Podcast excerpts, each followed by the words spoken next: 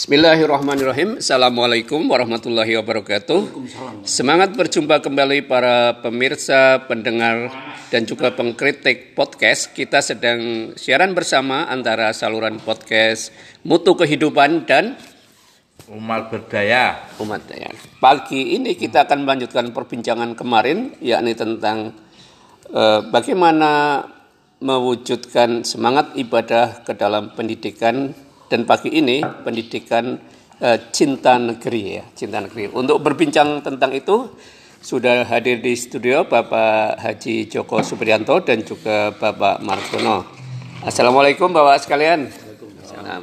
Terima kasih sudah berkenan uh, hadir di studio dan bersuguh-suguhan mensyukuri nikmat Allah minum teh lemon tea dan juga kerupuk serta apa ini Pak Haji Joko? Pisang molen. Pisang molen dengan gaya baru. Nah, eh, kita sekaligus siaran pagi ini dalam rangka menyemarakan peringatan hari ulang tahun ke-77 atau dari Gahayu ke-77 kemerdekaan Republik Indonesia. Eh, dan bagaimana memaknai kemerdekaan itu dalam eh, semangat dan dasar agama untuk cinta negeri gitu ya untuk cinta negeri.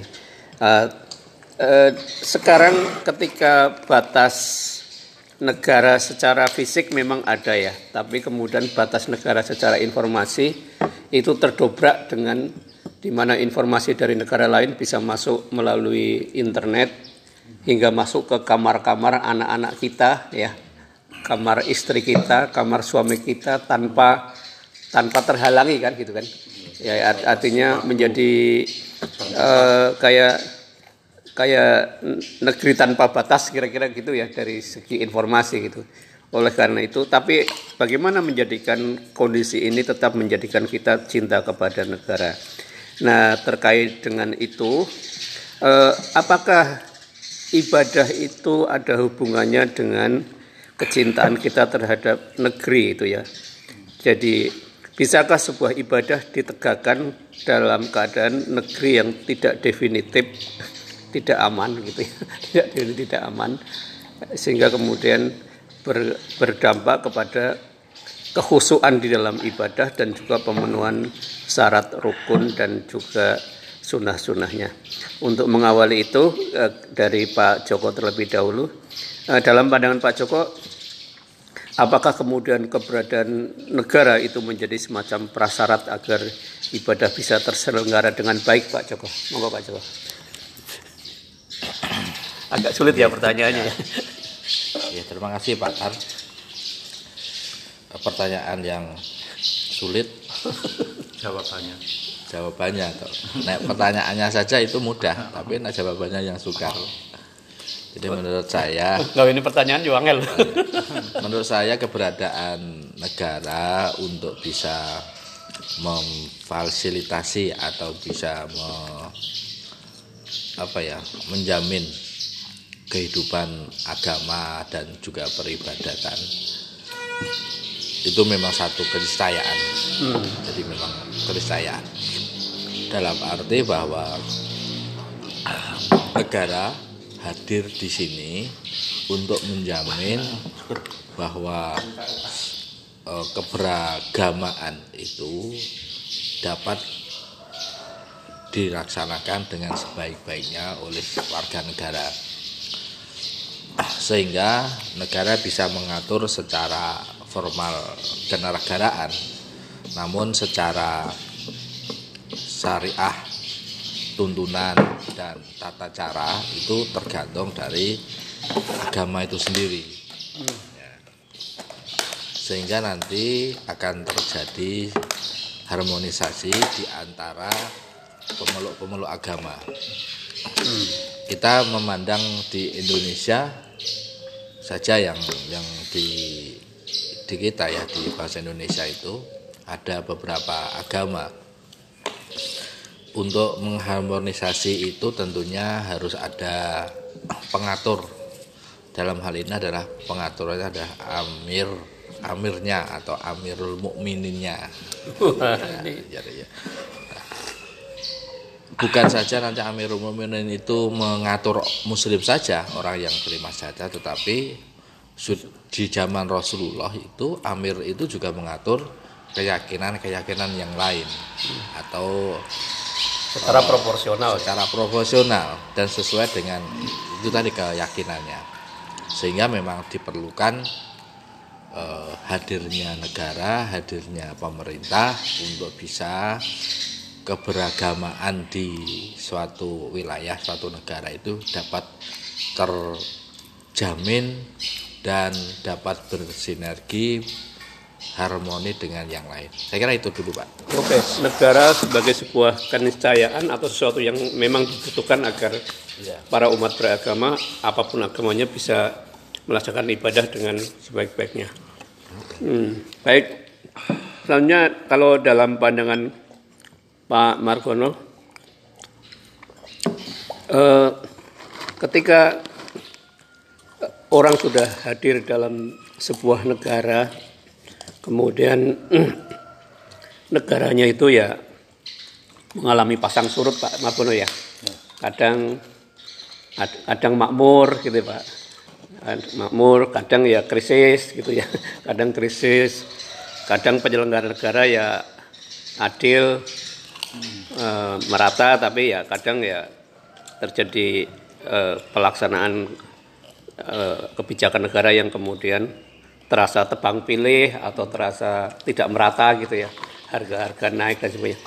Nah sebenarnya bagaimana sih e, orang beragama harus memandang negerinya sih Pak Margono?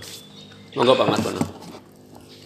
Ya Pak, terima kasih. Alhamdulillah pagi hari ini semua semoga semuanya dalam keadaan sehat walafiat dan uh, semangat untuk menggapai atau mengisi kemerdekaan ini ya, seperti semangat 45 seperti yang sudah disampaikan banyak orang. Ah, ini sebetulnya jawabannya juga sulit Pak. Pertanyaannya kalau saya secara pribadi kita itu harus meninjau dan mengevaluasi sebenarnya kemerdekaan yang hakiki itu yang bagaimana itu. Lah, kemudian timbul pertanyaan, sudahkah kita benar-benar merdeka? Nah, sementara seperti yang disampaikan Pak Taryanto, harga-harga sekarang sudah tidak terkendali Lombok kemarin sampai 100 ribu terus minyak langka terus sekarang ada kebijakan lagi gandum mau langka hmm. nah ini sesuatu yang yang uh, sebenarnya bagi rakyat kecil nanti uh, akan ya istilahnya akan merupakan beban yang sangat berat pak. Misalkan hmm. kemarin minyak langka aja susah ya. Lagi-lagi nek minyak susah terus secara ekonomis juga berpengaruh pada eh, ekonomi secara nasional sebetulnya kemudian yang kedua ini sekarang sudah antri bensin di mana-mana sudah full ya pak ya mau pak anu cari pertalite aja susah mau cari solar susah saya lihat kemarin beberapa tempat itu ya seperti ini full Gas terus. Nah. Gas LPG juga. LPG juga. Kemudian sekarang ada kebijakan uh, gandum mau uh, dinaikkan tiga kali lipat. Mungkin nanti makan satu mie itu harganya sembilan ribu, sepuluh ribu, Pak. Itu mie mentah satu apa apa satu bungkus itu, Pak. Itu kebijakan yang luar biasa sehingga uh, kalau mie uh, kalau gandumnya nanti tidak ada pengganti solusi misalkan sekarang itu mukaf aja kan ya tidak ada perkembangannya itu nanti akan kelabakan beberapa sektor. Misalkan industri roti kita tidak bisa makan roti. Satu roti mungkin harganya potong 5000 5000 minimal lebih dari itu. Lah. ya, termasuk kerupuk barang? Termasuk kerupuk barang nanti. Tambah uh Nah, itulah yang menjadi pertanyaan saya. Benarkah kita sudah merdeka secara hakiki? Nah, itu yang yang harus diterjemahkan. Belum lagi merdeka secara dalam sudut pandang dalam ragi beragama. Hmm. Nah, kita sudah benar-benarkah merdeka? Nah, itu dua pertanyaan itu eh, yang ada pada diri saya. Terus terang kalau saya untuk cinta tanah air, hubul waton, insya Allah sudah ditertan, sudah tertanam sejak kecil, Pak. Hmm. Kemarin saya posting ingatkan ini loh tombak ini bambu runcing. Baik-baik. juga, ah, punya baik punya bekas tombak untuk berperang dan juga kereta dan lain sebagainya. Dengan alat yang sederhana itu kita mampu mengalahkan atau mengusir penjajah Nah, sekarang menjadi yang pertanyaan, ya itu yang jadi polemik umum. Sekarang arus penjajahan yang tidak terlihat seperti yang disampaikan Pak Taranto tadi, penjajahan eh, baik informasi internet dan lain sebagainya, istilah era digital ini, itu itu yang harus kita waspadai juga. Itu kan sudah eh, dalam arti benar-benar istilahnya apa ya apa ngono kuwi ya penjajahan yang tidak terasa. Nah, itu. Kemudian yang kedua masalah politik, masalah lain sebagainya, ekonomi yang kita tidak terasa sebetulnya kita itu jadi jajah atau benar-benar merdeka. Oke. Nah, itulah mungkin eh, segelitik pertanyaan dalam diri hati saya, Pak, untuk mengevaluasi bahwa mengisi kemerdekaan itu perlu flashback dari keadaan, Pak. Terima kasih. Ya, eh, Pak Joko kayaknya eh, mendengar komentarnya Pak Mangdono agak ngenes ya, Pak. agak ngenes gitu ya, Pak. Tapi kira-kira apa eh, pandangan lain yang mungkin bisa mengurangi ke- kengenesan itu atau kira-kira ada eh, struktur keruwetan yang menjadikan munculnya rasa ngenes itu kira-kira menurut Pak Joko gimana? Karena menurut saya itu kita kan sebetulnya punya satu semboyan atau satu pandangan bahwa persangkaan kita ya persangkaan kita itu sama dengan dengan persangkaannya Allah. Jadi kalau kita istilahnya optimis ya nanti Allah juga akan memberikan jalan ke optimisan. Kalau kita pesimis juga nanti ya mendorong itu. Nah, namun demikian Ini ras- pesimis versi rasa rasa optimis dan pesimis itu itu akhirnya tergantung dari eh, itu keyakinan dan keimanan kita. Oh, Itu tergantung dari situ, Pak. Satu misal begini. Jadi, kalau kita ingin bersifat optimis dengan kondisi yang tadi disampaikan oleh Pak Margono, berarti harus kita upayakan, kita harus memperbaiki diri oke. keimanan kita itu memperbaiki diri itu agar apa maksudnya memperbaiki diri kita dalam hal ya keimanan kita itu Hmm. Hanya kembali ke kembali ke kita lagi ya. jadi, jadi kalau kita sudah ber, eh, lurus lurus dalam bersikap lurus dalam bertindak lurus dalam berbuat nanti akan optimis itu akan timbul lagi Hmm. gitu. Jadi satu contoh. Jadi sekarang mungkin keadaan di di Indonesia lah di kita. Kalau ingin menciptakan satu keamanan yang baik dengan tanpa ada intrik-intrik tertentu dengan tidak ada. Mereka yang bertanggung jawab terhadap keamanan itu yang harus Mempelopori. mempelopori dan mereka yang harus eh, bersikap lurus Tapi kita malah sedang berhadapan dengan Nah sekarang kayak kan kan kita keamanan malah jadi masalah utama. jadi masalah utama. Ya, Ini, ya tak pak ya. iya. Nah, kalau ngono merdeka tenan apa tidak lah itu lah. Jadi Keamanan kita kan- keamanan kita kan aduh yang yang bertanggung jawab terhadap keamanan kita malah. Ya. malah seperti itu gitu lah. Oke. Eh, baiklah Pak Joko dan Pak Margono. Masih. Eh,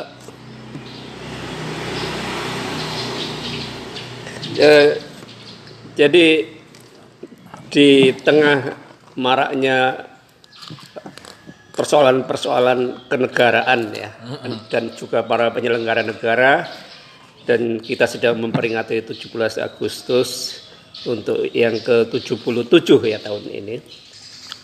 Uh, perlu kita sadari bersama bahwa negara hadir secara formal itu memang 17 Agustus 1945, tetapi bahwa terbentuknya negara ini itu hasil dari perjuangan Eh, umat beragama khususnya muslim yang jauh sebelumnya menyiapkan berbagai prakondisi dan pondasi-pondasi dasar agar kemudian uh, warga negara kita melek hak ya. Melek hak kemudian punya harga diri dan martabat ya kan? Kemudian bahu membahu satu sama lain untuk kemudian mengusir penjajah dan menegakkan kedaulatan. Dan itu dididik dari proses pendidikan dalam ibadah ya. Dalam ibadah berjamaah beribadah untuk bersama-sama ya. Menegakkan marwah dan dan martabat kan gitu marwah dan martabat dan adapun kesulitan-kesulitan yang sedang kita hadapi adalah bagian dari proses bernegara yang tetap membuka ruang untuk bersikap kritis bagi semua warga negara atas penyelenggaraan negara ini gitu kan sehingga negara ini bukan hanya sampai tahun ini gitu ya. Karena negara ini punya fungsi penting untuk melindungi semua warga, kepentingan jiwa raga dan usahanya serta generasi yang akan datang sampai jangka yang jauh. Oleh karena itu eh, bersikap kritis dan berkontribusi penting kepada negara eh, tetap diperlukan.